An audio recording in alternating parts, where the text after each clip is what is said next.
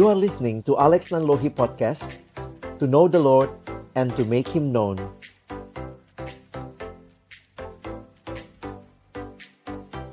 Mari kita berdoa sebelum kita membaca merenungkan firman-Nya.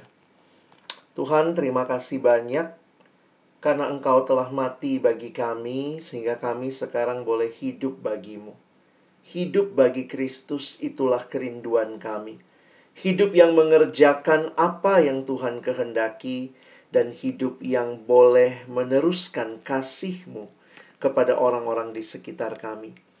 Kesempatan kami menikmati pembinaan seperti ini mungkin terkesan biasa, berulang kali, tetapi biarlah ini boleh menjadi momentum di mana kami sekali lagi berjumpa dengan Tuhan melalui firman-Mu dan boleh diteguhkan untuk melakukan apa yang menjadi rencana Tuhan yang indah di tengah dunia ini yaitu memuridkan generasi ini.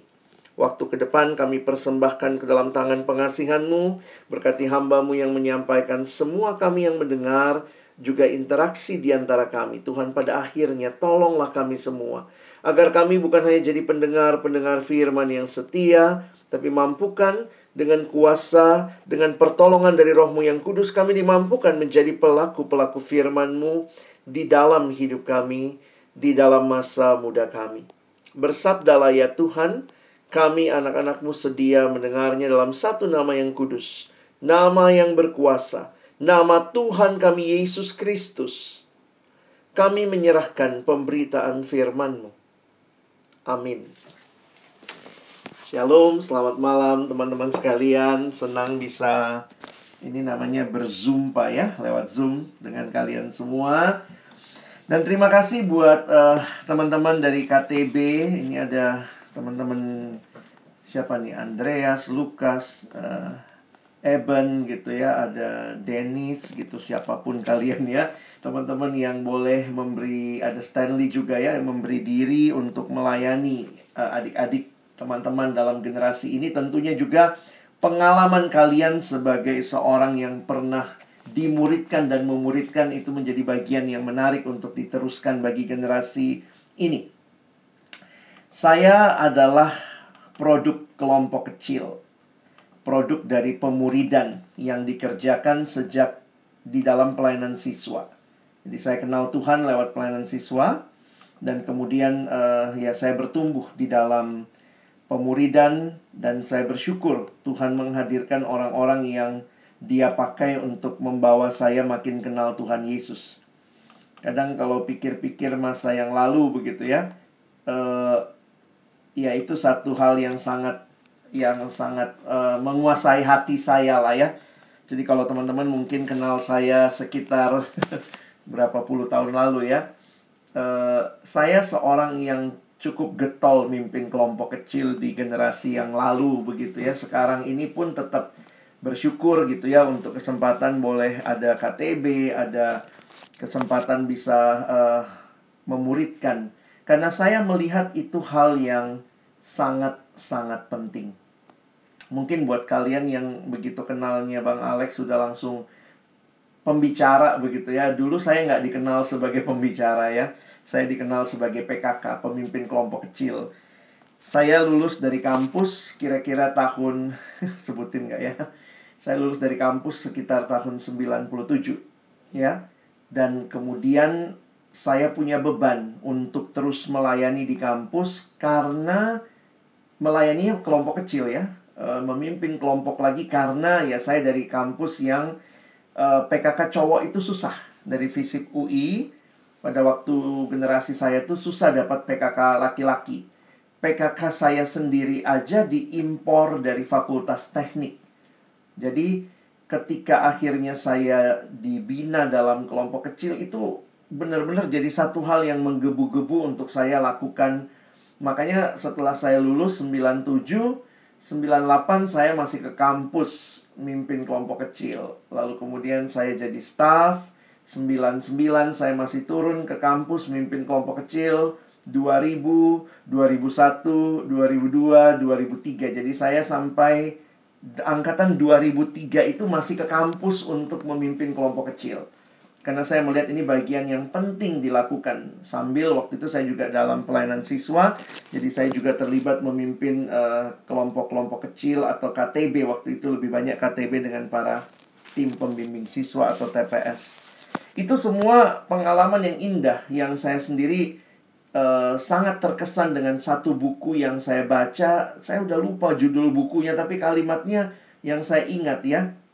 Kalimatnya begini Ketika ditanyakan kepada penulisnya ya, dia bilang saya pernah ditanyakan kalau seandainya Bapak dikasih kesempatan hidup mengulang hidupmu sekali lagi, apa yang akan kau lakukan? Lalu kemudian uh, penulis buku itu menjawab, saya akan memimpin lebih banyak kelompok kecil. Saya akan lebih banyak lagi memuridkan. Wah, itu kalimat yang sangat berbekas bagi saya dan kemudian itu ya yang sampai hari ini juga ya kalau ditanya ya kalau boleh mengulang hidup sekali lagi saya akan memimpin lebih banyak murid begitu. Kenapa saya bicara seperti ini? Karena memang realitanya ya cari PKK khususnya yang laki-laki sulit. Orang yang sesudah lulus dari kampus masih mau memuridkan lebih sulit lagi. Sesudah sekian lama jadi alumni itu juga Kadang-kadang kalau kita lihat-lihat loh, kok yang kelompok-kelompok kecil yang perempuan yang lebih langgeng begitu ya. Yang laki-laki itu ya sebatas ya sudah ada di kampus setelah selesai nggak ada lagi bekasnya begitu ya. Nah tapi uh, sejak saya mengerti kenapa saya turun berulang kali ke FISIP waktu itu karena memang kami sulit PKK cowok. Jadi kalau memang teman-teman dalam situasi ini juga uh, bergumul begitu ya tentang kebutuhan pemimpin kelompok kecil laki-laki saya juga sudah mengalami itu karena di persekutuan kan lebih banyak perempuan ya. Sementara ada filosofi tidak tertulis dalam dalam uh, pembinaan pemuridan kita sedapat mungkin pemimpin kelompok dan anggota kelompoknya satu gender ya. Sedapat mungkin. Kalau ada kondisi khusus maka akhirnya uh, dicampur ya laki-laki dan perempuan. Tapi kita secara umum memperjuangkan pemuridan yang same gender. Nah, itu membuat saya jadi sadar betul kalau tidak ada yang memuridkan siapa lagi yang akan uh, menolong generasi yang ke bawah dalam hal kelompok kecil laki-laki. Jadi uh, mungkin itu sedikit sharing gitu ya bahwa ketika uh, Andreas kontak saya dan cerita beban dari KTB-nya, KTB kalian dan kemudian mengadakan acara semacam ini, saya pikir wow, ini satu hal yang saya syukuri bahwa ada yang melihat kebutuhan yang sama dan melakukan sesuatu, ya. Saya waktu itu melihat kebutuhan pemimpin kelompok kecil laki-laki dan saya memberi diri lagi. Ya paling tidak karena waktu itu saya juga jadi staff, jadi saya bisa ke kampus sampai sekitar tahun 2003. Kenapa 2003 saya berhenti ke kampus? Karena saya studi. saya studi teologi ya. Saya ke Inggris untuk studi dan saya pulang sekitar uh, eh, 2004 saya studi saya pulang 2005 akhir, apa yang saya lakukan? Saya ke kampus lagi. Saya mimpin kelompok kecil lagi mulai dari 2006, 2007, 2008. Jadi waktu itu saya nggak mimpin anak barunya memang, tapi saya cari PKK-PKK yang ditinggal oleh PKK-nya.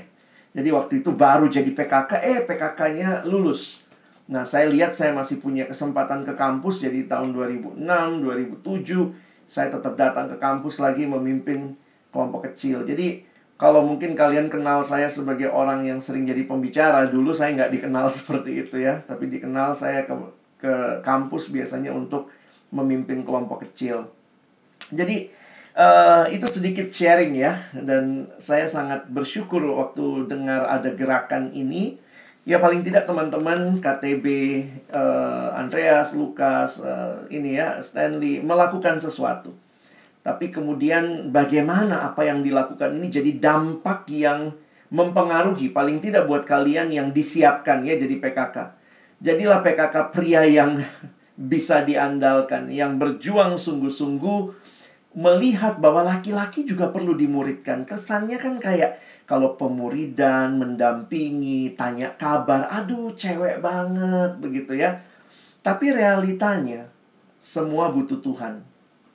Dan sebenarnya yang saya agak khawatir adalah uh, ya ini mungkin terlalu male dominan ya, tapi saya coba bicara dalam pengertian umum. Saya melihat bahwa banyak persekutuan itu yang tidak punya laki-laki yang dimuridkan dengan baik lah. Jadi dengan jumlah perempuan yang lebih banyak, ya kemudian pemuridan laki-laki ini juga kadang-kadang tidak terlalu difokuskan dengan baik. PKK-PKK-nya juga kurang kelihatan berjuang misalnya. Wah itu jadi semacam uh, snowball ya, efek bola salju ke generasi berikutnya begitu lagi. Bayangkan kalau generasi ini PKK cowoknya sedikit, maka jangan mimpi ke depan banyak cowok yang dijangkau begitu. Sementara makin belajar firman Tuhan ya ketika saya makin bertambah usia lalu masuk pernikahan lalu membimbing orang masuk pernikahan saya lihat bahwa itu bukan tugas sambilan kerohanian itu bukan tugas sambilannya pria. Dalam arti begini kadang-kadang dalam rumah tangga kesannya ya udah yang rohani yang penting mamanya rohani istrinya rohani. Karena apa? Nanti pendidikan anak urusan istri Nanti istri lah yang ngurus anak-anak dalam kerohanian. Tetapi di Alkitab nggak begitu, teman-teman. Sebenarnya kalau kita belajar budaya Yahudi, malah lebih strict lagi ya, walaupun saya pikir itu kontekstual. Di Yahudi itu perempuan hanya untuk ngasih anak makan. Kira-kira begitu, domestik urusannya. Sementara urusan rohani itu urusan laki-laki. Makanya Kalimatnya kalau kau duduk sama anakmu makan, perkatakanlah kitab Taurat itu. Jadi sebenarnya laki-laki itu harus punya kerohanian yang baik. Harus memimpin keluarganya, harus mengerti firman Tuhan. Tapi ya karena langka yang seperti itu, dan kayaknya juga ada stigma ya udah yang penting mamanya aja istrinya aja yang perempuannya aja yang rohani nanti laki-lakinya kan di luar rumah cari kerja cari penghasilan Padahal tidak demikian. Tanggung jawab pembinaan kerohanian anak itu juga tanggung jawab laki-laki. Itu juga tanggung jawab yang harus diemban laki-laki karena itu muridkan laki-laki juga ya. Saya saya kalau bicara ini melihat bahwa sedih banget gitu ya kalau akhirnya di kampus saya biasanya kalau datang ke kampus khususnya kampus saya UI saya akan tanya tuh ya berapa kelompok kecil laki-laki itu selalu jadi concern saya kenapa karena itu logikanya begitu deh. Sedikit laki-laki yang terjangkau, ya sedikit juga yang memberi diri menjangkau lagi. Karena yang ikut kelompok kecil aja, coba ingat teman kelompok kecil, saya empat orang. Empat orang paling yang jadi PKK dua. Nah yang jadi PKK dua ini juga kalau nggak sungguh-sungguh efeknya lagi ke bawah begitu ya. Jadi ini kita perlu serius berpikir ya. Sekitar tahun 93 Waktu saya ada di UI pertama kali kami ada camp kepemimpinan. Dan di camp kepemimpinan itu tiba-tiba siang siang hari itu waktu istirahat kami dikumpulkan. Terus dibilang, coba yang laki-laki semua kumpul di aula. Wih, ada apa nih? Kami laki-laki kumpul di aula. Dan seorang abang waktu itu sharing kepada kami, beliau ketua POSA UI, ketua PO waktu itu dia kumpulin kami di ruangan dan kami diajak berdoa, dia sharingkan lebih dulu tentang kebutuhan laki-laki. Kaget juga saya ya. Itu tahun 93 saya ingat kami kumpul di satu ruangan lalu kemudian kami berlutut semua minta laki-laki untuk Tuhan gitu ya. Wah itu pertama kali saya berdoa untuk hal seperti ini ya. Bahwa ini bukan sekadar laki-laki kurang begitu ya. Tapi minta sama Tuhan, kita berjuang, kita muridkan baik-baik generasi ini karena ini adalah salah satu juga cara Tuhan membangun dunia ini, membangun keluarga-keluarga dengan adanya pria-pria yang takut akan Tuhan. Oke, jadi ya pengantarnya maaf agak panjang karena saya rindu sekali ya. Benar-benar ini bukan sebuah uh, hal yang terjadi sesaat saja, ya, tapi pikirkan dengan baik. Saya beberapa kali sampai hari ini sih masih nawarin diri ya siapa yang mau KTB atau siapa yang mungkin karena kesibukan saya saya bisa kasih waktu sebulan sekali. Cuma nggak ada juga yang mau kali ya karena mungkin Bang Alex ketuaan kali ya. Tapi saya sangat terbuka kalau ada yang mau dibimbing mau KTB mau berjalan bersama kita sama-sama uh, kita bisa gitu ya. Saya saya beri waktu untuk hal itu. Karena saya pernah melihat seorang pria yang berjuang waktu itu dia datangi saya. Abang bimbing saya bang Kenapa? Saya nggak punya teman KTB. Kenapa? Karena ternyata dia kerjanya sif-sifan. Ini alumni kerjanya sif-sifan. susah juga ya. Karena saya bilang, shiftmu keluarnya gimana? Keluarnya itu seminggu sekali. Jadi, susah cari teman KTB yang kita janjian ya selasa malam misalnya. Dia kadang-kadang masuk malam. Dan itu keluarnya baru seminggu sekali. Jadi waktu itu dia nanya, abang gimana caranya saya bertumbuh? Saya bilang, mau nggak kita berdua aja? Boleh nggak bang? Ya udah. Jadi karena kadang-kadang KTB jam 6 pagi gitu ya. Ini waktu, belum ada zoom-zooman ya. Waktu itu ketemu dia ke pintu air atau ke mana. Kadang kami KTB setelah dia pulang kerja. Saya bilang, kamu pulang kerja jam berapa? Kami, saya pulang jam 4 sore bang. Habis pulang, saya kuliah S2 bang. Mati deh. Habis pulang kuliah S2 jam berapa? Jam 9. Oke, saya tunggu di pintu air kami KTB jam 9 sampai jam 11 malam. Ada kerinduan untuk bertumbuh. Kalau memang mau, cari. Dan itu adalah hal yang saya yakin Tuhan juga siapkan dan sediakan buat kita. Ya, apa yang saya mau sharingkan malam hari ini sebenarnya uh, ini perenungan lama yang berkali-kali saya juga bawakan dan selalu menyegarkan hati karena tema malam hari ini waktu bicara standing firm, itulah kebutuhan yang dilihat Paulus ya bagi anak rohaninya Timotius ketika dia menulis surat 2 Timotius. Jadi kalau kalian perhatikan kenapa Paulus tulis 2 Timotius? Karena pada waktu itu Timotius sedang ada di daerah Asia. Asia waktu itu bukan cuma nama benua tapi sebuah provinsi yang meliputi bagian barat Asia kecil, sekarang itu Turki. Dan waktu itu ibu kotanya Efesus. Paulus meninggalkan Timotius di Efesus. Perhatikan petanya. Paulus ada di penjara di Roma, sebelah kiri atas. Timotius ada di Efesus melayani. Efesus ini kota metropolitan, teman-teman. Budayanya banyak, banyak hal percampuran kebudayaan sehingga saya pikir Timotius itu harus berdiri di situ sebagai seorang yang masih tergolong muda. Walaupun jangan lupa, kemungkinan Timotius sudah umurnya 30-an tahun. Tapi masa itu jadi pemimpin gereja usianya biasanya 40-an ke atas. Jadi makanya Timotius masih tergolong muda. Di dalam situasi seperti ini, kira-kira kalau kita melihat inti suratnya, sama kayak tema kita malam hari ini. Paulus cuma mau bilang ke Timotius, tim, stand firm. Nggak mudah tantangannya. Pada masa itu paling tidak ada dua ancaman yang muncul. Ancaman pertama dari luar, ada orang-orang pihak-pihak yang benci sama orang Kristen. Tapi juga ada ancaman dari dalam, yaitu pengajaran-pengajaran yang bahkan merusak iman orang percaya. Jadi kalian bisa bayangkan ada tantangan internal, ada tantangan eksternal. Biar gampang diingat yang internal pengajaran sesat. Yang eksternal penganiayaan. Nah, di dalam situasi seperti itu, Paulusnya juga lagi ada di penjara di Roma. Bayangkan jadi Timotius yang muda. Lalu kemudian role modelnya, teladan utamanya Paulus, eh di penjara di tengah-tengah kota metropolitan Efesus, bagaimana Timotius bisa berdiri teguh? Nah, di sinilah saya melihat kitab 2 Timotius secara khusus saya pilih malam hari ini. Pasal 2 ayat 1 sampai 6 menjadi bagian yang penting. Sebenarnya kalau mau disoroti, persahabatan Paulus Timotius itu unik, teman-teman. Timotius itu mungkin separuh umur Paulus. Jadi waktu Paulus kira-kira menulis surat 2 Timotius, Paulus ini kira-kira umur 60-an. Timotius umur berapa? 30-an. Kadang-kadang kalau mikir gitu ya, kayak kayak sahabatan sama om-om ya. Jadi Paulus sama Timotius itu kan uh, Timotius itu uh, makanya saya saya juga dulu kan sempat berpikir ya, saya makin tua Tuhan di pelayanan siswa. Dulu anak-anak masih panggil abang, masih panggil kakak, lama-lama panggil om.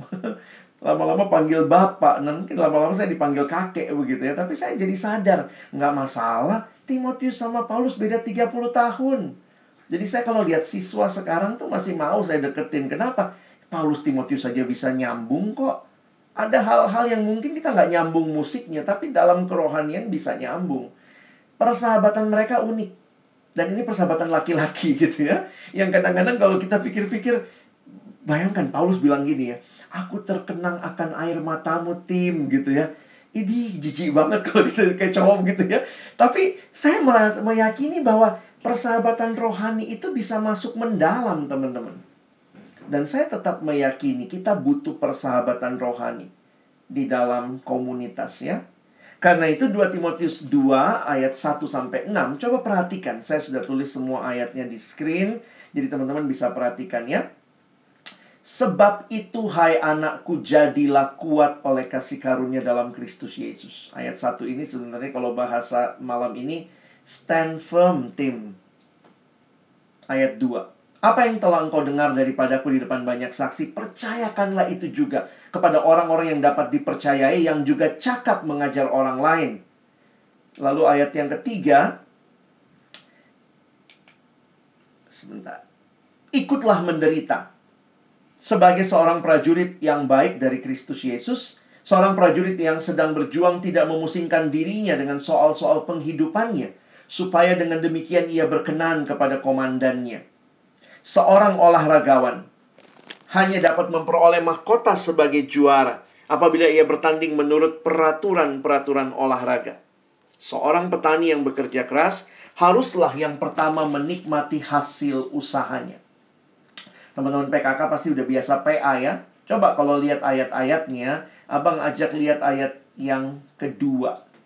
Sebenarnya kalau saya memperhatikan ayat yang kedua ini seperti inti dari pasal 2 ayat 1 sampai 6.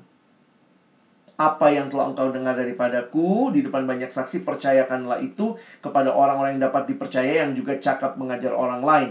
Ini saya kasih judul murid yang memuridkan. Timotius dipanggil Paulus, "Ayo, apa yang kau sudah dengar, kamu sudah dengar kan? Kamu murid, Tim." Sekarang percayakanlah itu kepada orang-orang yang dapat dipercayai. Jadi untuk melakukan ayat 2, apa yang Timotius butuhkan? Ayat 1, jadilah kuat. Ternyata Tuhan itu menguatkan kita demi misinya. Kalau kalian menikmati pembinaan ini, jangan pernah berpikir ini untuk dirimu sendiri. Tetapi Tuhan panggil kamu untuk dikuatkan demi ayat 2 yang kau dengar, sampaikanlah dan teruskanlah. Teman-teman, karena itu saya membagi outline-nya dengan judul berikut ya. Kalian bisa lihat judul yang abang pakai adalah murid yang memuridkan. Jadi yang pertama, kalau lihat ayat 1 tadi, ini perintah untuk dikuatkan oleh kasih karunia. Tapi intinya, ayat yang kedua, pentingnya untuk meneruskan berita Injil. Lalu Paulus juga memberikan profil pelayan Injil. Kadang-kadang Paulus berbicara di dalam perumpamaan, di dalam alegori untuk menjelaskan seperti apa seharusnya profil pelayan Injil. Kita mulai dulu yang pertama ya. Perintah untuk dikuatkan oleh kasih karunia. Teman-teman kalau perhatikan bagian ini, kenapa harus dikuatkan oleh kasih karunia. Di dalam ayat yang kita baca tadi, sebab itu hai anakku, lihatlah relasinya ya. Dia bilang Timotius itu anak ya dalam arti anak rohaninya. Kenapa dikuatkan oleh kasih karunia? Perhatikan baik-baik teman-teman. Panggilan yang pertama saya tuliskan begini. Kenapa dikuatkan? Karena Timotius dipanggil untuk berbeda. Kadang-kadang kalau diminta beda ya kita mungkin bilang gini ya, misalnya orang tua kita bilang kamu di kampus atau di sekolah mesti beda ya. Mungkin kamu bilang ya, ayo dong kasih sesuatu dong supaya bikin saya berbeda ya. Makanya ini panggilan Timotius untuk beda. Tetapi yang kedua, ini juga panggilan Timotius untuk mengandalkan Allah. Jadi kalau ayatnya kita pecah, kita bisa lihat dua hal ini. Dan kalau kalian perhatikan bukan kali pertama sebenarnya Timotius dipanggil untuk berbeda. Karena sepanjang surat 2 Timotius, nanti kalian lihat, Pak Timotius dipanggil untuk berbeda. ya. Coba kalian perhatikan. Kalau perhatikan bahasa Inggrisnya, dia pakai istilah you then my son. Emangnya ada apa sih sebelumnya? Kok tiba-tiba sebab itu hai anakku? Kalau kita baca sesuatu sebab itu tanya ada sebab apa? Oh, ternyata kalau baca di akhir pasal 1 sebelum menuju ke pasal 2 ada kondisi ini. 2 Timotius 1 ayat 15 sampai 18. Ternyata ada orang-orang yang dulu timnya Paulus, ada dua nama yang muncul. Figelus, Hermogenes, berpaling dari Paulus. Aduh, sedih banget ya. Sudah masuk penjara, eh tim yang tadinya deket, mungkin mereka malu, mereka berpaling dari Paulus. Dua orang namanya muncul, Figelus dan Hermogenes. Tapi ada satu nama lagi yang muncul, yaitu Onesiphorus. Dan ini adalah orang yang Paulus katakan Tuhan kiranya mengaruniakan rahmatnya kepada keluarga Onesiphorus yang telah berulang-ulang menyegarkan hatiku. Ia tidak malu menjumpai aku di dalam penjara. Ketika di Roma, ia berusaha mencari aku dan sudah juga menemui aku. Kiranya Tuhan menunjukkan rahmatnya kepadanya pada harinya, betapa banyaknya pelayanan yang ia lakukan di Efesus, engkau lebih mengetahuinya daripadaku. Ternyata ada satu orang Efesus jemaatnya Timotius ya, Onesiphorus yang bahkan waktu dia ke Roma dia cari Paulus. Teman-teman hidup dalam Tuhan selalu ada dua kemungkinan. Ada orang yang ninggalin kita, tapi juga Tuhan bisa kirim orang-orang yang menyegarkan hati kita.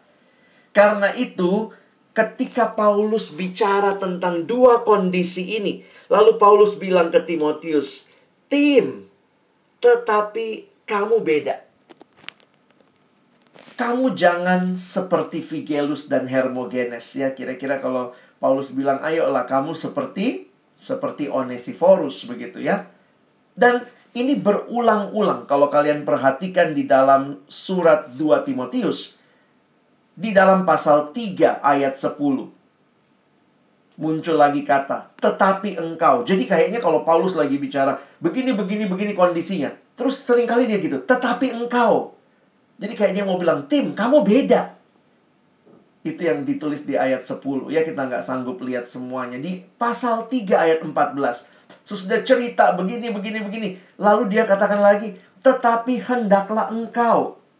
Kalian nanti bisa lihat ya slide saya agak lambat di sini. Di dalam pasal 3 ayat 14. Tetapi hendaklah engkau. Nanti di pasal 5, eh, pasal 4 ayat 5 muncul lagi di tengah dunia begini, begini, begini, tetapi kuasailah dirimu. Kalau lihat terjemahan NIV-nya, but you. Kalau Indonesia kan kesannya, tetapi kuasailah dirimu. Tapi kalau kita balik, mengikuti terjemahan NIV, tetapi kamu kuasailah dirimu. Kira-kira begitu ya. Jadi di tengah-tengah situasi seperti ini, Timotius dipanggil, ayo tim, kamu harus beda. Bedanya apa? Ayo andalkan kekuatan Tuhan. Ya. Jadi teman-teman, kalau hari ini katanya pengutusan begitu ya. Lalu kalian akan pergi melayani dengan kekuatan dari mana? Kamu dituntut beda dengan PKK-PKK yang lain. Yang mungkin PKK yang malas gitu ya. Jangan jadi PKK yang malas. Kamu dituntut berbeda dengan dunia. Tapi mungkin kamu tanya, kekuatannya dari mana? Ini nih. Kekuatannya jadilah kuat. Dari mana? Dari kasih karunia Allah. Jadi teman-teman perhatikan, saya mengutip satu kalimat dalam sebuah buku membahas apa sih kasih karunia dalam Kristus Yesus. Dia mengatakan, trusting completely in Christ and His power, and not trying to live for Christ in our strength alone. Receive and utilize Christ's power. He will give you the strength to do His work. Teman-teman kita nggak sanggup dengan kekuatan kita. Pekerjaan ini terlalu berat, jujur. Jadi PKK aja kadang itu melawan keinginan kita. Mesti laki-laki perhatiin orang. Aduh, gue nggak bisa bang. Misalnya gitu ya. Belum lagi ternyata tantangannya anaknya lari-larian segala macam. Dari mana kekuatan kita? Dituntutnya jadi PKK yang berbeda lagi. Jangan mirip seperti dunia. Beda trusting completely in Christ power. Kalau kalian lihat tata bahasanya sebenarnya menarik ya. Karena our strength is derived from our union with Jesus. Kekuatan itu kita dapat kalau kita bersatu dengan Kristus. Dan itu seperti di charge setiap hari dengan persekutuan kita dengan dia. Makanya kalau kita biasa di persekutuan, jangan lupa ya, HPDT, doa saat teduh, itu adalah sumber kekuatan kita terus-menerus yang Tuhan berikan di tengah-tengah situasi kehidupan yang kita alami. Dari mana kita bisa simpulkan itu? Kalau kalian lihat terjemahan aslinya, maka kata kata jadilah kuat itu munculnya dalam bentuk present, pasif, imperatif, singular. Maksudnya apa? Sederhananya begini. Ini perintah imperatif dan ini pasif. Jadi sebenarnya begini. Dikuatkanlah engkau terus-menerus. Teman-teman jangan lupa. Bukan saat teduh itu sumber kekuatannya. Maaf, mungkin kalian perlu klarifikasi kalimat saya ya. Sumber kekuatannya itu Tuhan. Saat teduh itu alat kasih karunia-Nya supaya kekuatan Tuhan mengalir. Jadi Teman-teman mesti ingat, yang menguatkan kita tuh Tuhan. Lewat apa? Lewat saat teduh, lewat doa, lewat persekutuan. Karena itu perhatikan, dikuatkanlah kamu terus-menerus. Dan ini perintah. Berarti tidak taat dosa. Gitu kali ya. Ini panggilan untuk terus-menerus mengandalkan Tuhan, bergantung kepada Tuhan. Jadi kalau teman-teman berjuang tetap saat teduh dengan rutin waktu jadi PKK, itu adalah demi engkau mengalami kekuatan dari Tuhan. Tapi kekuatan itu kamu alami dalam kepasifan. Karena bukan kita yang menguatkan diri, tapi Tuhan yang menguatkan kita. Caranya bagaimana? Dengan kita membaca, merenungkan firman, kekuatan Tuhan itu kita alami. Wah, ini indah sekali kalau kita paham ya. Jadi doa kita sekarang harus berubah sedikit ya. Jangan berdoa minta tugas-tugas yang setara dengan kekuatan Anda. Tuhan, susah banget ini. Saya minta tugas yang gampang. Kadang-kadang kita gitu ya. Tuhan, lagi skripsi nih. Aduh, tinggalin dulu kelompok kecil. Tapi saya senang dengan kalimat Philip Brooks. Mintalah kekuatan yang setara dengan tugas-tugas Anda. Saya mahasiswa. Saya banyak tugas. Tapi saya juga menerima panggilan jadi PKK Tuhan kasih saya kekuatan. Jadi akhirnya teman-teman bergantung kepada Tuhan. Ini kekuatan kita. Christian who make an eternal difference in this world are those who have learned to rely on God's strength, not their own. Saya harap ini jadi reminder buat kita ya. Oke, sekarang bagian kedua. Apa perintahnya? Nah, itu udah baca tadi ya. Apa yang telah engkau dengar daripadaku di depan banyak saksi, percayakanlah itu kepada orang yang dapat dipercayai yang juga cakap mengajar orang lain. Jadi, kalau kalian perhatikan, ini adalah perintah untuk meneruskan berita Injil yang telah engkau dengar daripadaku. Berita Injil itu apa? Berita yang isinya menyatakan apa yang Allah lakukan bagi kita di dalam karya penebusan Yesus Kristus. Kalau teman-teman membaca di pasal 1 ayat 1 Paulus mengatakan janji tentang hidup. Di dalam pasal 1 ayat 13 dia mengatakan berita Injil itu seperti contoh ajaran yang sehat. Di pasal 1 ayat 14 itu harta yang indah. Jadi dia pakai istilah good deposit, makanya harus dijaga Berita Injil itu berita yang isinya janji tentang hidup. Itu tidak boleh berhenti hanya sampai kita saja. Karena itu dia katakan, percayakanlah. Kata percayakanlah itu, ya ini kalau mau digali ya, ini bahasa Yunaninya lihat aja tuh. Auris imperatif. Jadi perintah lagi imperatif. Auris itu berarti sesuatu yang terjadi dan punya efek terus-menerus. Apa yang telah kau dengar daripada aku depan orang saksi, percayakanlah itu kepada orang-orang yang dapat dipercaya. Ini ayat singkat sekali. 2 Timotius 2 ayat 2. Tapi saya pikir nggak kebetulan juga ya. 2, 2, 2. Ini kayak prinsip multiplikasi. Bayangkan di ayat yang singkat ini. Ada berapa generasi yang Paulus lihat? Paulus minimal melihat empat generasi. Apa yang telah engkau dengar daripadaku? Berarti ada siapa? Kunya. Ada Paulus. Engkaunya Timotius. Jadi kalau kalian lihat ya, maaf abang nggak ketemu foto Paulus yang terakhir ya. Jadi ini Paulus, ini Timotius, dua generasi.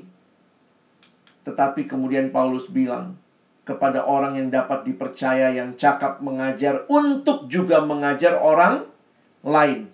Bayangkan, di benak Paulus bukan hanya ada Timotius. Teman-teman, malam ini saya tadi cek, wah 21 orang. Saya tidak melihat 21 orang. Dalam mata iman saya melihat orang yang lebih banyak dari 21. Karena siapa yang nanti kamu pimpin ke bawah? Dan orang itu memimpin lagi ke bawah. Dalam mata iman mintalah penglihatan Tuhan untuk saya bisa melihat melampaui yang kelihatan.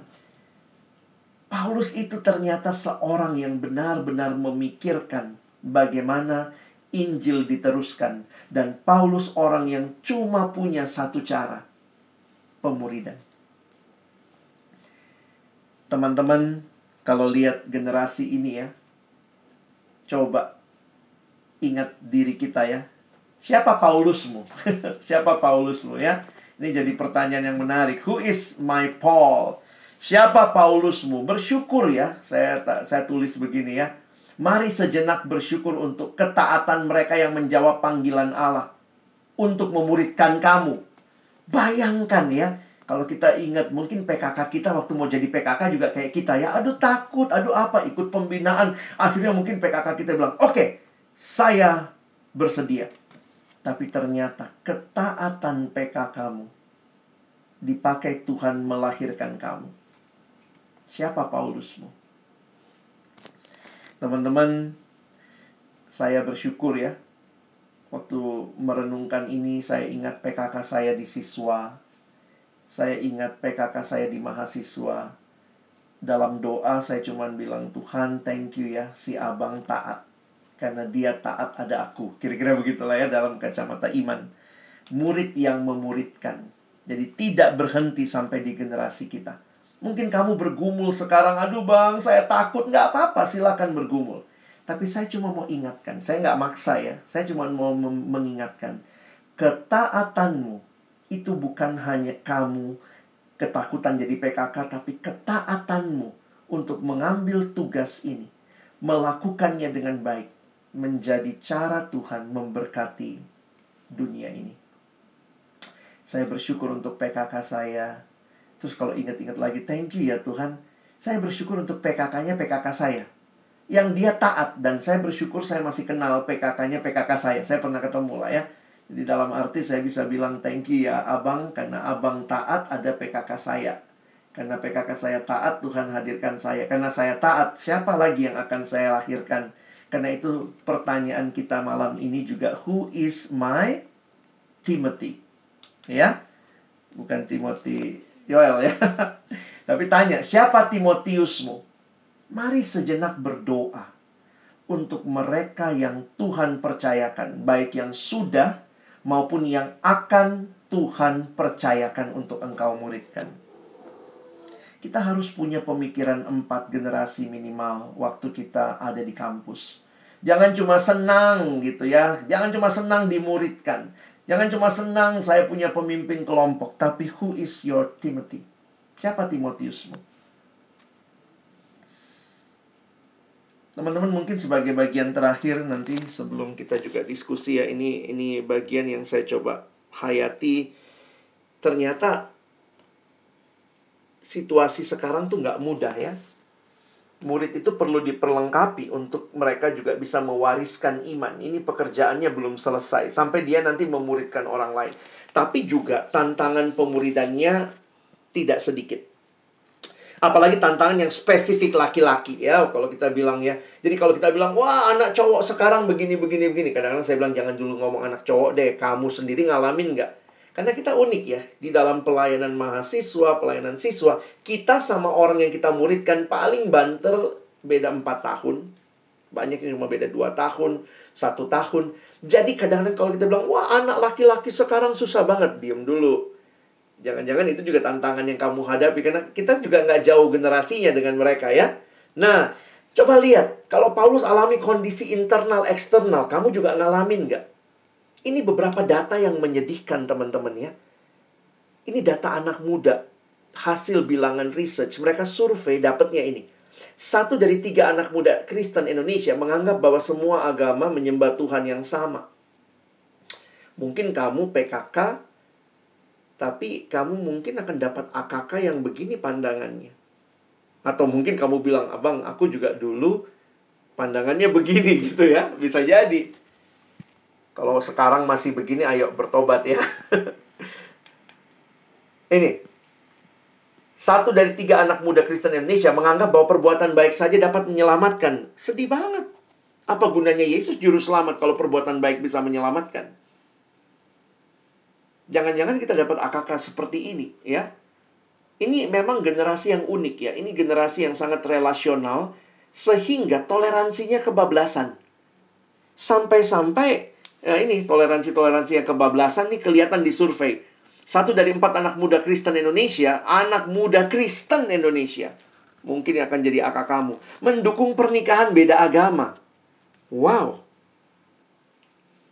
dalam hal penginjilan, satu dari dua orang Kristen Indonesia tidak aktif memberitakan Injil kepada orang lain dalam tiga bulan terakhir. Wah sedih juga faktanya gitu ya.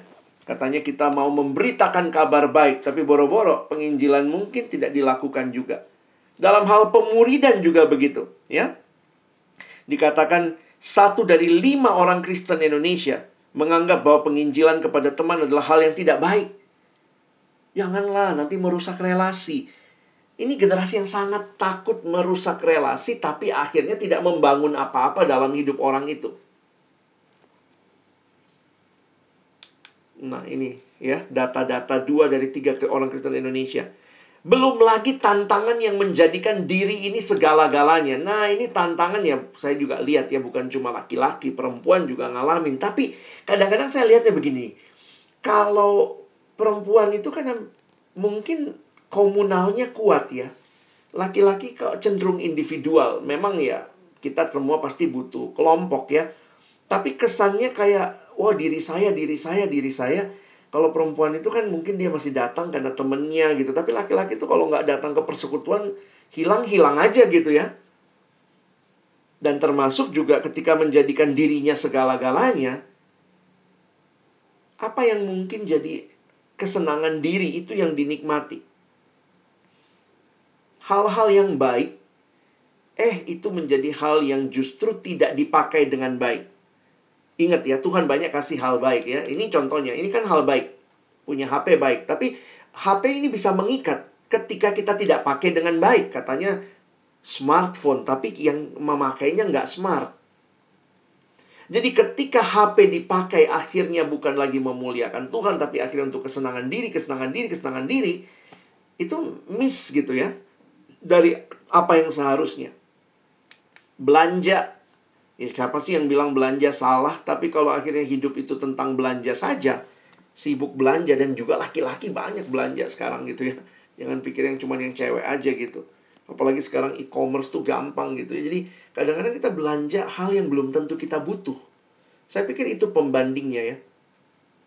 Kalau ditanya kenapa beli itu, kalau perempuan gitu, kenapa? Lucu, lucu. Hah? Beli barang bukan karena butuh, tapi karena lucu. Jadi habis beli ketawa-ketawa, hihihi. Tapi laki-laki juga banyak kayak begitu ya, beli tapi nggak butuh amat gitu ya. Ada mungkin penggemar kayak Bang Andre ya, penggemar drama Korea. Ini kan hal-hal yang nonton drama bagus juga dong. Ada hal-hal yang baik yang kita bisa pelajari. Tapi kalau jadi kecanduan nah itu mengerikan. Kenapa? Apa perbedaannya? Ketika apa yang kita suka kita nikmati itu kemudian menjadi sesuatu yang membelenggu kita kadang kalau orang nanya dari mana abang bilang ini udah jadi berhala dari mana abang bisa melihat ini sudah jadi kecanduan saya pikir sih secara sederhana ketika itu sudah membuat kita tidak tahu lagi tugas utama kita. Tugas utama itu belajar kalau mahasiswa. Eh, tapi gara-gara drama, gara-gara apa, akhirnya nggak belajar. Nonton sepanjang malam. Nah, udah kehilangan fokus. Banyak drama yang bagus gitu ya. Silahkan ditonton kita belajar ada beberapa ilmu ada yang memang hanya untuk hiburan gitu ya. Ini beberapa drama-drama yang mungkin lagi hype orang suka gitu ya. Ada yang nonton hospital playlist kenapa? Gue anak kedokteran bang gitu ya. Banyak ilmunya misalnya. Ada yang senang dengan bulu tangkis racket boys ya. Ini yang lagi hype sekarang begitu. Ah banyak lah kalau mau ditonton semua juga bisa ditonton. Saya juga nonton teman-teman ya. Tapi belajar untuk membatasi supaya tidak menjadi orang yang sibuknya nonton aja. Tuhan kasih kita malam untuk apa? Tuhan kasih kita malam buat tidur. Bukan buat nonton berlebihan. Squid Games ya Bang Andre ya. Mungkin kamu bilang, saya nggak Korea bang. Iya, mungkin kamu nggak Korea, tapi jadi jangan-jangan ini masalahmu ya. Game online gitu. Jadi wah ngegame sepanjang malam. Sekali lagi, Juan nanti mau nonton juga ya. Sekali lagi hati-hati malam itu buat istirahat gitu ya. Kadang-kadang kita lupa tuh. Kesannya malam buat main game. Ya, nggak tahu apa yang sedang membelenggu kamu ya. Hal-hal yang mungkin kamu suka. Dan sekali lagi tidak ada yang salah dengan gamenya. Tetapi yang salah adalah kita yang tidak bisa menggunakannya dengan baik sehingga hal yang baik jadi hal yang tidak baik. Nah saya nggak tahu apa yang sekarang sedang membelenggu teman-teman tapi kalian harus perhatikan gitu ya. Mungkin mungkin juga yang ini begitu ya. Kalian bisa lihat ya anim kayaknya nonton terus gitu ya. Itu bisa luar biasa lah belum lagi kalau dibelenggu oleh pornografi, dibelenggu oleh pola-pola pikir sekarang ya, termasuk menyikapi gender uh, apa orientasi seksual seperti ini saya juga lihat banyak jadi permasalahan ya. Bagaimana sikap terhadap free sex dan pertanyaan sederhananya gini deh. Sejauh mana kondisi zaman ini memengaruhi kita? Kita yang sedang mempengaruhi zaman atau kondisi zaman yang sedang mempengaruhi kita. Kita butuh kacamata yang jernih untuk bisa melihat berbagai situasi. Cowok kadang suka mikir ya, saya ketemu karena saya anak fisip waktu itu ketemu mahasiswa yang kadang-kadang saya bingung dari mana dia dapat pandangan begitu ya. Tiba-tiba datang bilang, Bang, aku nggak terlalu setuju lah kalau misalnya Tuhan itu begini-begini. Waduh, dan akhirnya saya inget tuh, saya punya satu adik yang dulu deket ya. Dia bukan anak kelompok kecil, dia cuma rajin datang PO aja, rajin datang persekutuan. Tapi kemudian kami bangun persahabatan sebagai sahabat gitu ya. Dia suka ngajak saya makan dan kita suka diskusi ya. Dan itu pertanyaannya ajaib-ajaib ya. Karena dia anak sosiologi, dia di bacaan-bacaannya tuh buku-buku sekularisme tentang tentang marxisme. Saya juga kadang-kadang harus belajar apa sih ini gitu ya kadang-kadang mungkin berpikirnya simple tapi ini tantangan nih buat laki-laki yang kuat berpikir maka mungkin kita juga perlu menolong mereka menuntun pemikiran mereka melihat isu-isu yang ada di sekitarnya pragmatisme, konsumerisme, hedonisme, materialisme sampai-sampai akhirnya masa depan hanya dibangun dengan materi. Mau jadi apa? Orang kaya. Hah, cuma itu tujuannya orang kaya. Terus kalau udah kaya mati. Kenapa? Punya materi dianggap kebahagiaan. Maka Yesus bilangnya beda banget. Untuk apa seorang memperoleh seluruh dunia, tapi ia kehilangan nyawanya. Jadi, teman-teman yang dikasih dalam Tuhan Yesus Kristus, di dalam situasi seperti ini ya, saya masuk ke bagian terakhir. Oh sorry, sebentar slide-nya ketutup ya.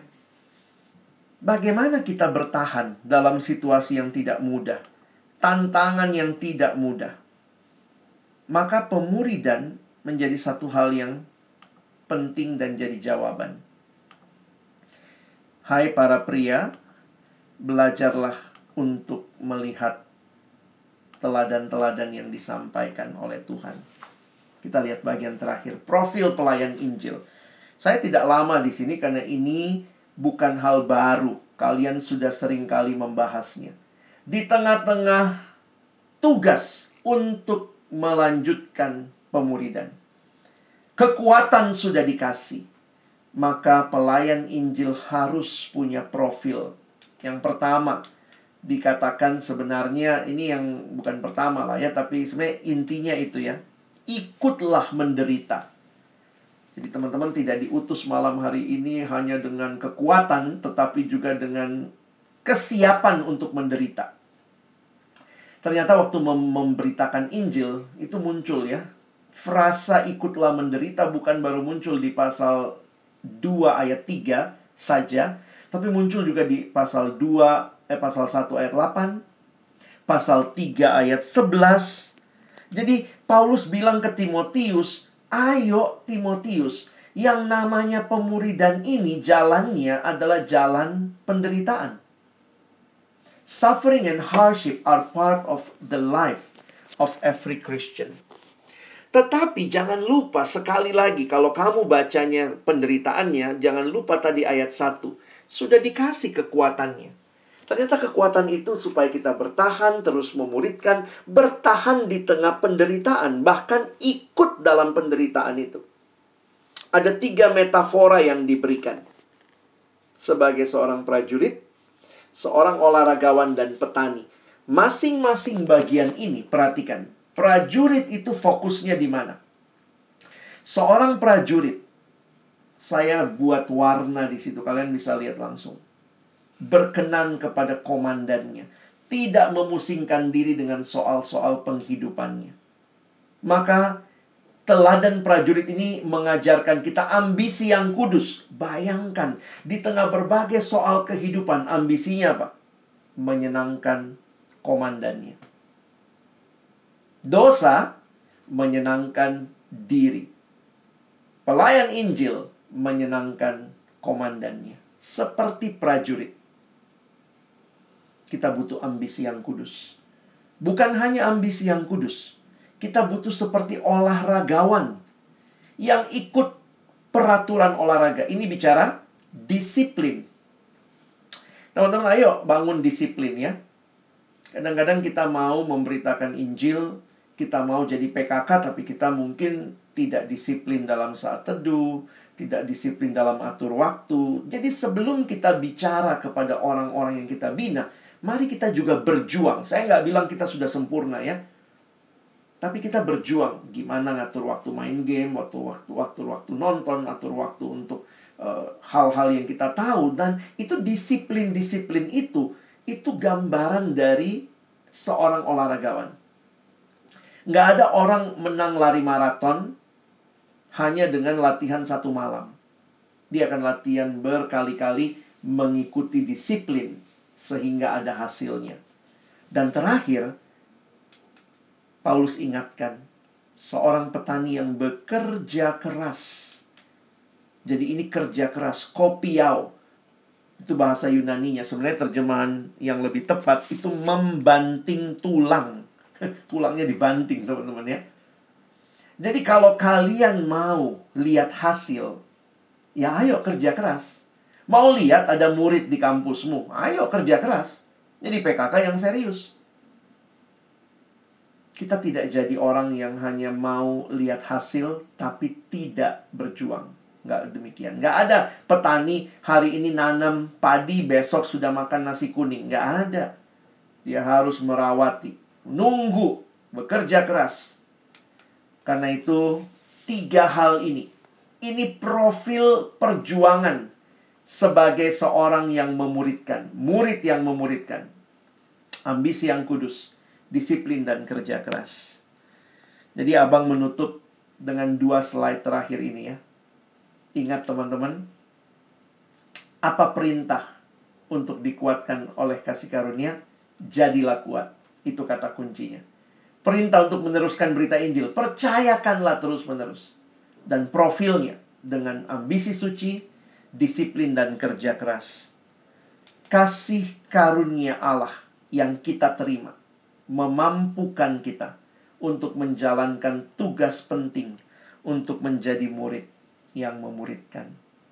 Kiranya kita dikuatkan untuk melakukan apa yang Tuhan sudah siapkan bagi kita. Amin. Terima kasih Bang Alex buat uh, pendeta firman-Nya sangat menguatkan encourage kami untuk bisa sama-sama kembali uh, standing firm akan panggilan kami sebagai PKK atau CPKK yang ada di ladang kami masing-masing. Saat ini kita akan masuk dalam sesi tanya jawab. Aku yang akan memandu sebagai moderator. Minta tolong Bang Eben bisa share screen.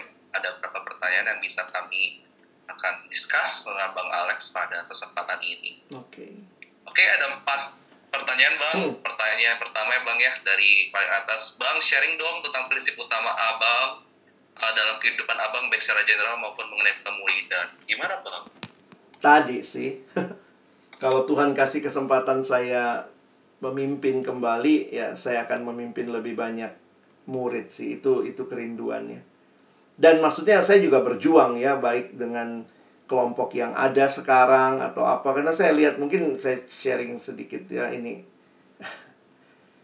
Saya masih juga menikmati KTB KTB mungkin teman-teman gitu ya. Sorry bisa? Eh, kelihatan nggak?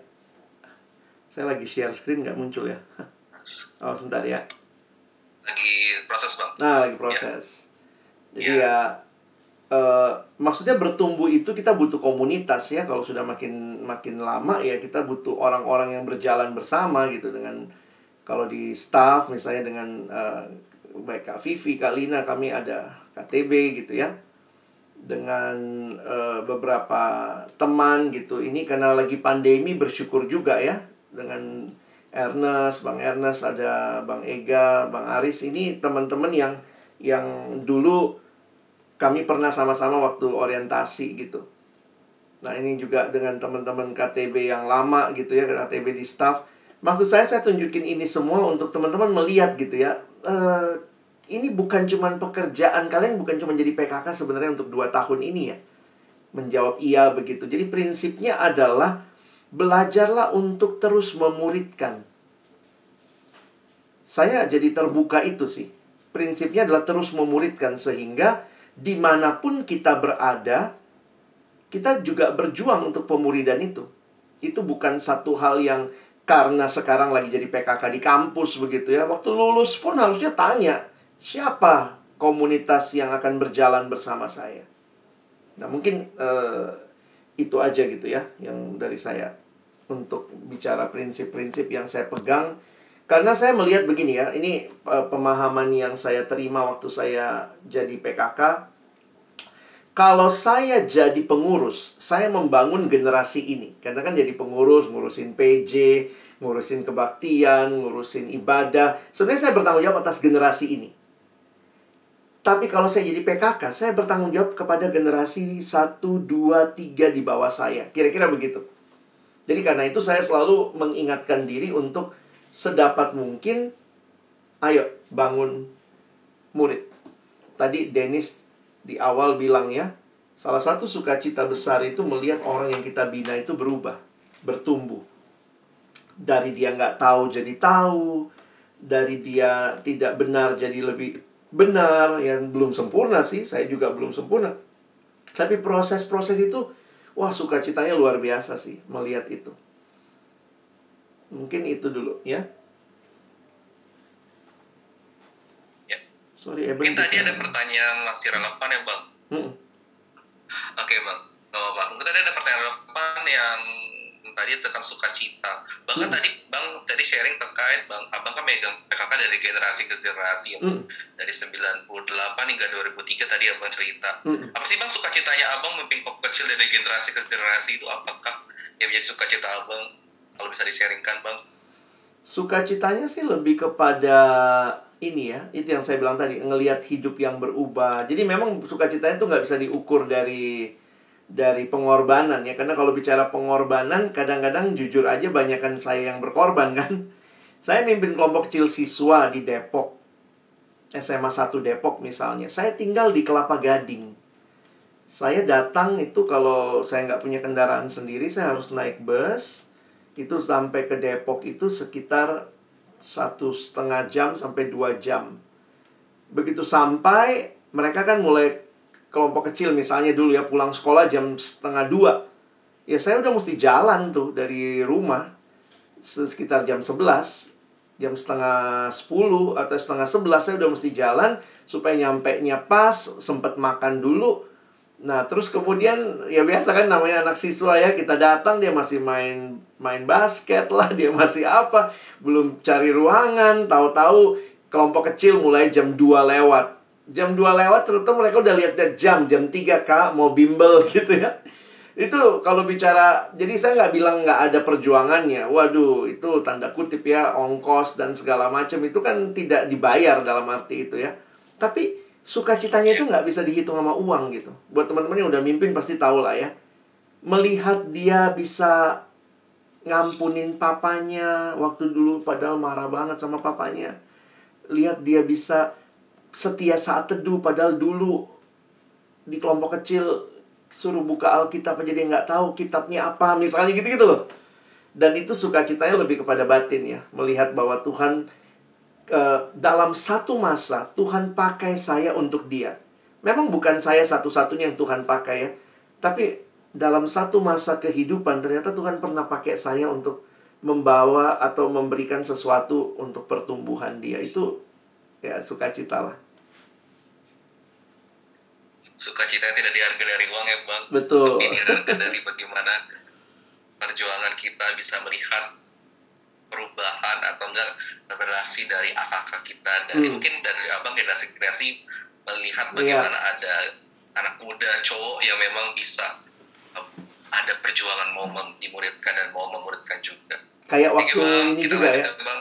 kayak waktu hmm. lihat misalnya ya beberapa mereka memimpin kelompok kecil kembali kita bisa lihat cucu kita gitu Wah, itu juga sukacita gitu ya melihat bahwa ternyata nggak berhenti sampai situ mungkin itu sih ya ya ada tongkat estafet ya bang Betul. yang akhirnya bisa bisa diestafetkan kepada hmm. cucu kita yang memang dulu kita kenal uh, sebagai apa dulu kita sebagai akak dari kita juga ya.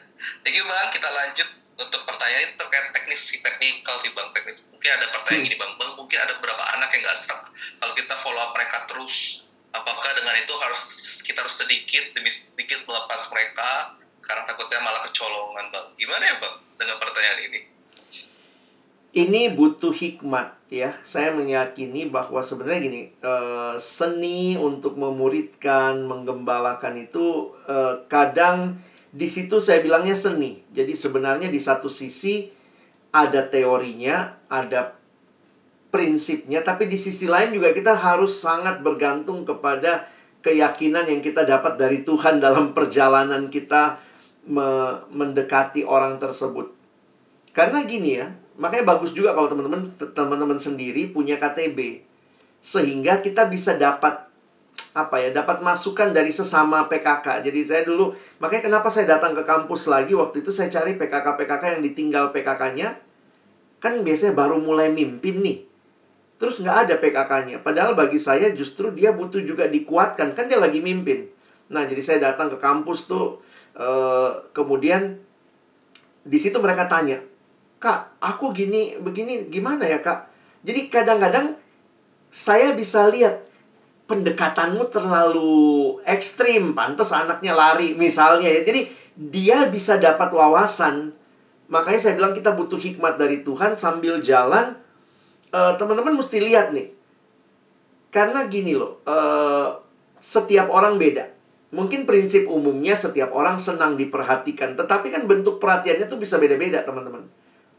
Saya kasih contoh lah ya, mungkin yang paling banyak saya nikmati juga membimbing adik-adik SMA itu dulu dari masih SMA kelas kelas 2 sampai ya sampai sekarang kami masih ada pertemuan lah ya sekali-sekali gitu.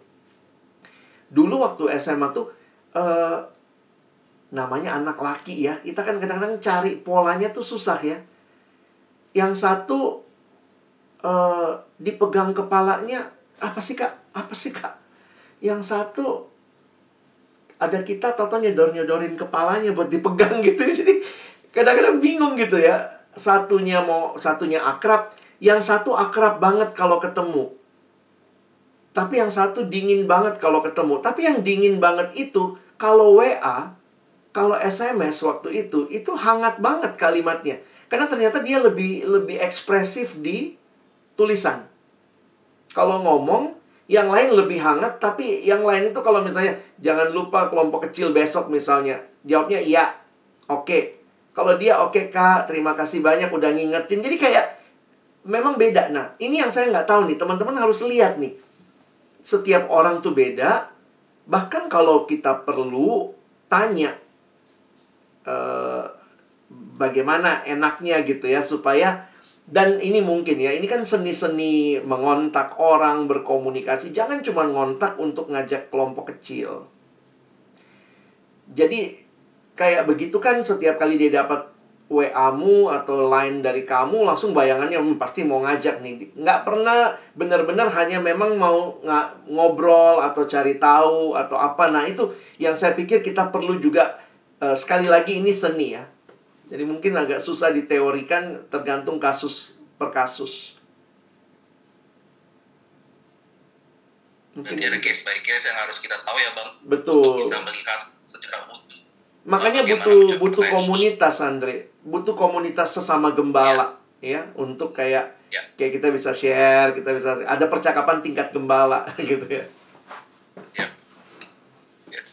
komunitas sesama PKK dan itu memang akhirnya bisa memperlengkapi dan memperluas sharing juga ya bang betul untuk bisa sama-sama kita lihat uh, ada ada memang mungkin mereka juga punya perbuatan sama atau nggak hmm. mereka bisa kasih advice atau saran satu sama lain yang betul. memang menguatkan kita untuk memimpin uh, AKK kita. Kalau Thank bisa, kalau ini. kalau bisa kelompok mentoring kalian itu lanjut ketemuan sebulan sekali selama kalian jadi PKK minimal komitmen setahun itu bagus teman-teman jangan berhenti hanya ya. di sini maksud saya itu wah itu ya. itu langka sih Oke bang buat semangatnya dan uh, pengingatnya juga Sip, kita lanjut bang untuk pertanyaan ini bang ada pertanyaan hmm. tentang trust issue nih malam bang apakah apabila kakak memiliki trust issue secara tidak sengaja PKK langgar Bagaimana cara untuk regain trust tersebut ya bang? Wah, ini balik lagi. Ini ini hal-hal praktis ya dalam arti praktis karena memang tergantung kamu ketemunya orangnya kayak apa. Karena bukan kadang-kadang bukan hanya masalah trust issue ya. Tapi uh, mungkin ini terkait latar belakang orangnya dan seterusnya. Saya beberapa kali ngalamin kayak begitu dan sadar betul tuh ada yang bisa balik hubungannya lebih baik, ada yang kayaknya lama sekali baru baik gitu, ada yang akhirnya nggak bisa baik, ada ada macam-macam poin lah. Tapi paling tidak begini, kalau engkau salah minta maaf. Kalau ternyata kamu tidak menepati janji ya kamu minta maaf. Saya pikir itu jalan pemulihan lah. Begitu kamu sudah minta maaf sebenarnya kan tergantung dia mau maafin atau tidak. Tapi paling tidak kita sendiri punya kesadaran dan kita belajar jadi PKK yang yang apa adanya gitu. Jangan jadi PKK yang pencitraan ya. Kita maunya kita nggak pernah salah, kita rasionalisasi. Misalnya dia bilang, jangan kasih tahu ya kak, misalnya gitu. Saya waktu itu trust isunya sebenarnya lebih kepada ini ya. Dua AKK saya menembak cewek yang sama. Dan datang minta restu ke PKK-nya. Yang satu minta restu minggu ini dan saya restui karena saya tahu ini uh, mereka jadi mereka memang bertiga tuh deket. Dua AKK saya cowok sama satu cewek ini mereka bertiga deket. Dan dia dia datang nembak gitu. Dia dia datang ke saya. Saya mau nembak minggu ini. Nah, jadi karena saya juga taunya uh, ini saya bilang ya udah tembak aja gitu kan. Eh minggu depan yang satu datang saya mau nembak, menurut abang bagaimana? Teng, teng, teng, gitu. Saya mesti ngomong apa? Karena saya sudah tahu yang satu sudah bakal nembak gitu ya. Sudah nembak minggu lalunya. Waduh, itu... Dan akhirnya ya, memang akhirnya itu trust issue banget ya. Trust issue-nya akhirnya kelompoknya saya harus pisah. Akhirnya memang nggak bisa bersatu ya. Jadi semester berikutnya saya saya ngorbanin diri, pisah kelompok untuk uh, supaya tetap bisa sama-sama ikut gitu. nah saya nggak tahu ini trust issue yang kamu rasa apa, tapi ada secara psikologis ini umum ya psikologis itu kan dalam arti general perempuan lebih mudah cerita dan terbuka kepada orang yang dia suka. Itu itu secara umum psikologinya. Kalau laki-laki dia terbuka kepada orang yang dia percaya. Nah, jadi memang biasanya kelompok laki-laki itu nggak mudah terbuka atau lama lah prosesnya terbuka. Kalau perempuan itu kalau dia suka langsung bisa terbuka. Hari ini udah ah enak banget ini temanku gimana satu kelompok kecil tuh dia cerita, "Iya, aku kemarin ditembak cowok itu loh." Dia langsung bisa cerita hal-hal yang sangat uh, krusial. Kalau laki-laki belum tentu. Makanya sebenarnya butuh proses. Nah, proses ini yang memang kalau sampai dilanggar dan itu trust issue yang buat dia sangat krusial, nah itu uh, ya balik lagi lah siapa anaknya, pengenalanmu kayak apa, tapi bagaimanapun kalau itu kesalahanmu kamu minta maaf. Mungkin itu. Itu genuine dari PKK juga ya Bang ya? Harus. ya, kan? uh, ya untuk bisa sama-sama bisa uh, saling ketemu dan mungkin hmm. kalau tadi Abang bilang meminta maaf itu bagian di mana PKK juga setara juga ya Bang AKK ya PKK bukan yang yeah. lebih tinggi berarti ya Bang ya. Belajar untuk jadi PKK yang apa adanya. Jangan pencitraan. Ya, jadi PKK apa adanya jangan jadi pencitraan ya teman-teman ya.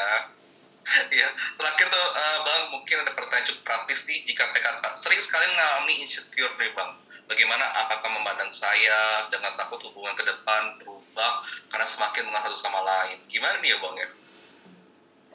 Ya ini uh, sorry ya kalau saya jujur mengatakan ini juga pengalaman saya dan waktu saya perhatikan setelah lewati sekian lama lah ya sesudah melewati banyak pergumulan ini bukan masalah AKK kita. Ini masalah kita. kan kita selalu ngomong nanti bagaimana AKK saya mandang saya. Sebenarnya bukan masalah dianya, ini masalah kamunya begitu. Jadi e, karena itu saya harus ingatkan sebenarnya teman-teman sambil engkau bertumbuh engkau juga akan semakin kenal Tuhan dan semakin transparan di hadapan Tuhan dan di hadapan sesama. Karena situasinya, saya senang dengan yang Andre bilang barusan ya, kita tuh sebenarnya setara. Kadang-kadang kita lupa ya, kelompok kecil itu kan makanya ada beberapa yang menyebutnya bukan kelompok kecil, KTB, kelompok tumbuh bersama. Jangan mentang-mentang kamu yang mimpin, kesannya dia yang bertumbuh, kamu enggak. Enggak, ini kita bertumbuh bersama. Hari ini PA, ayo belajar sama-sama MHB bab 3. Ini bukan buat dia saja, buat akak kamu saja, buat kamu juga walaupun kamu udah tahu. Sambil kamu persiapan evaluasi dirimu, sambil kamu persiapan kamu bertumbuh begitu. Jadi semakin kamu bertumbuh, kamu pun akan melihat bahwa sebenarnya dirimu sedang belajar, sedang bertumbuh dan mungkin Tuhan pakai akak kamu menumbuhkan kamu.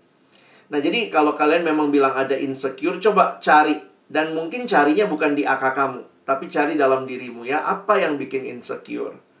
Apakah kita sangat insecure dengan pendapat orang? Jadi karena kita insecure sama pendapat orang, maka pendapat AKK pun jadi kayak menekan kita. Padahal sebelum menurut saya ya itu itu semua uh, saya belajar komunikasi ya. Jadi dalam teori komunikasi ada kalimat begini. Komunikasi itu adalah upaya mengurangi ketidakpastian. Saya ulangi ya. Komunikasi itu adalah upaya mengurangi ketidakpastian. Contoh. Kita satu ruangan nih, kita ada dalam satu ruangan ya. Terus saya ngerasa panas. Lalu saya nyalain AC-nya. Padahal kamu ada di situ, saya nggak nanya kamu, tapi saya berasumsi kalau saya panas, pasti dia juga kepanasan. Ya udahlah, nyalain AC-nya. Padahal bisa jadi kamu malah kedinginan. Jadi kadang-kadang kita melakukan tindakan berdasarkan asumsi, tapi itu belum tentu kebenaran. Karena itu apa yang harus kita lakukan supaya mengurangi asumsi? Apa yang kita lakukan? Komunikasi. Jadi sebelum nyalain AC tanya dulu, kamu kedinginan atau kepanasan? Oh, aku agak kedinginan sih. Oh, gue kepanasan. Akhirnya kita bisa sepakat ya. Udah, saya nyalain AC-nya tapi suhunya saya naikin ya supaya kamu nggak kedinginan, tapi saya nggak kepanasan. Misalnya begitu kan? Nah, kalau kamu sudah tahu masalahnya di mana, nah bisa jadi kita ngobrol. Waktu ngobrol di situ mungkin jadi jangan kadang-kadang kita suka berasumsi ya. Kayaknya akak aku tuh nggak suka sama aku deh. Dari mana? Itu kan asumsi. Tapi kan nggak mungkin juga kamu nanya, kamu nggak suka sama aku ya? Kan nggak bisa gitu ya. Jadi kadang-kadang pengenalan akan menolong kita makin bisa mengklirkan asumsi-asumsi kita. Saya punya pengalaman dengan AKK saya ya. Saya rasa awalnya dia nggak suka sama saya. Tapi sebenarnya masalahnya di mana? Itu yang saya nggak tahu. Mau menggali pun apa nggak ngerti. Jadi lucunya gini ya. Setiap kali kami kelompok kecil, bayangkan ya, saya PKK baru waktu itu. Nah, sebenarnya itu udah kelompok kecil ketiga yang saya pimpin ya. Tapi maksudnya saya ini kan anak baru. Saya mimpin mereka, lalu kemudian setiap kali sharing, jawaban dia apa? Pas. Wih, ini kan sebagai PKK tuh kayak apalagi mancingnya ya. Ayo silakan sharing. Temennya semua udah sharing. Begitu sampai di dia, pas. Pas. Waduh, bayangkan saya digituin satu semester. Sampai saya tuh apa ya bikin kompromi sama temen-temennya. Gimana caranya supaya bikin dia sharing? Karena dia doang bilang pas. Tapi temennya bilang tapi dia kalau di luar kelompok ngomong kok sama kami karena kan teman satu jurusannya. Nah makin tambah sa tambah sa sedih lah saya. Berarti saya yang nggak PKK yang baik buat dia gitu ya nah tapi waktu itu teman-teman asumsi itu bahaya deh asumsi itu membatasi saya komunikasi sama dia. Sampai satu waktu, ya saya nggak tahu juga dapat keberanian dari mana.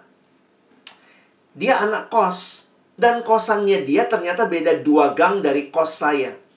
Jadi teman-teman hari itu, ya saya jadi kita kita jujur aja ya, kita kan manusia ya. Kalau kita ketemu AKK yang tidak respon sama kita, kita suka nggak? Jadi dari list AKK saya, dia yang paling bawah yang saya sukai. yang lain ada beberapa yang atas tuh yang kalau saya ngomong iya bang, iya bang, wih itu kita sayang banget tuh karena kayaknya dia iya banget sama kita. Nah ini anak di list paling bawah saya dan asumsi saya jalan. Lu nggak mau sharing sama gue, lu nggak percaya sama gue. Jadi akhirnya saya terus bangun asumsi. Tapi hari itu saya dikasih kekuatan untuk saya ah mampir ah ke kosannya dia saya datang loh teman-teman ke kosannya dia. Dan waktu saya datang, saya masuk, terus tiba-tiba dia ngomong gini. Gue pikir lu gak peduli sama gue. Hah? Waduh, ternyata dia punya asumsi terhadap saya, saya juga punya asumsi terhadap dia. Dan karena hubungan kita formalnya hanya sebatas ketemu di kelompok kecil, saya selalu mikir tiap kali datang, dia mandang aku gimana ya? Dia pun mikir tiap kali dia datang, Alex mandang dia gimana ya. Yang saya kagum sebenarnya dia walaupun nggak selalu bilangnya pas, tapi masih mau datang kakak. itu juga unik ya. Jadi kamu bisa bayangkan, dia datang, tapi dia kayak ofensif. Satu waktu, saya bilang, oke, okay, sekarang kita nyanyi lagu pembukaan ya. Habis nyanyi lagu pembukaan, kita baca Mazmur sama-sama ya. Jadi saya itu urutannya. Pernah dia tiba-tiba ngomong gini, emang harus gini ya urutannya tiap minggu mati deh saya gitu ya. Kini kok kayaknya ofensif banget nih anak. Tapi ketika saya datang, itu cair teman-teman. Di situlah baru saya ngerti. Ternyata dia itu berharap saya itu lebih. Dia berharap saya itu memperhatikan dia, termasuk mengunjungi kosannya dia, dan ternyata langkah saya ngunjungin kosannya itu titik balik relasi kami. Sejak itu di kelompok kecil, dia orang yang senang sharing. Dulu ditanya, sharing pas, belakangan, sampai susah kita bilang berhenti dulu sharingmu ya, kamu stop dulu ya teman-teman yang lain mau sharing. Tapi itulah yang saya bayangkan, yang ini praktis ya kalau kalian mau lihat, itu relasi itu nggak ada teorinya, itu seni. Tetapi di dalamnya kamu perlu hikmat dari Tuhan, kamu butuh doa supaya ini bukan cuma relasi yang biasa tapi kamu bawa dalam doa dan bangun terus komunikasi bukan asumsi. Kadang-kadang insekuritas kita gara-gara kebanyakan asumsi. Padahal orang itu nggak pernah mikir itu, tapi kita mikir dia kayaknya begini deh, dia kayaknya begini ya. Makanya orang yang berasumsi tidurnya nggak nyenyak. Sementara yang dia pikir, ah kayaknya dia begini-begini. Orang itu dia tidur nyenyak gitu ya. Karena dia nggak mikir seperti yang kamu pikir. Mungkin begitu. Ternyata asumsi itu membatasi komunikasi ya Bang. Wes, banget Andre. Bahkan perilakunya. Jangan banyak berasumsi. Nembak cewek juga gitu ya? Thinking sama ya bang? Hah? Kalau overthinking itu gimana ya bang? Kalau ya itu itu mirip lah ya. Tapi sebenarnya kalau hmm. asumsi itu bisa overthinking, bisa underthinking juga ya. Oke. Okay. Nah, cuma memang nanti mungkin yang kalian perlu pelajari adalah bagaimana seni komunikasi. Karena kan nggak mungkin kita tanya, kamu nggak suka ya sama saya? Itu kan nggak enak, nggak mungkin. Nah, makanya perlu perlu kebersamaan, perlu cari cara-cara yang yang akhirnya dia terbuka terhadap kita. Nah, teman-teman tahu apa yang saya lakukan karena saya butuh banget masukan. Laki-laki itu susah banget ngomong. Akhirnya saya bikin kesepakatan setiap semester kami ada evaluasi kelompok kecil. Saya kasih mereka kertas, saya tulis hal-hal baik apa dalam kelompok kecil yang harus dipertahankan hal-hal apa yang perlu ditambahkan. Di bagian bawah ada masukan nggak buat PK kamu. Jadi dari situ saya dapat feedback mereka. Nah itu itu nggak disediain sama seksi kakak. Itu upaya saya mengurangi ketidakpastian. Tapi kan saya nggak mungkin lakukan itu tiap hari, tiap minggu ya. Jadi kadang-kadang saya nunggu tuh pas ada momentum evaluasi kakak. Ayo, boleh ya evaluasi aku ya, uh, tapi tulis nanti tulis waktu saya baca. Oh iya ya, ini paling tidak pemahaman dia terhadap saya atau kadang-kadang nggak usah pakai nama ya. Jadi paling tidak begini, kita tahu nih dalam kelompok ini ada orang-orang yang berharap seperti ini, seperti ini dan itu terjadi komunikasi. Terima kasih bang buat sarannya Sama-sama. melengkapi berharap buat teman-teman peserta di sini yang hadir.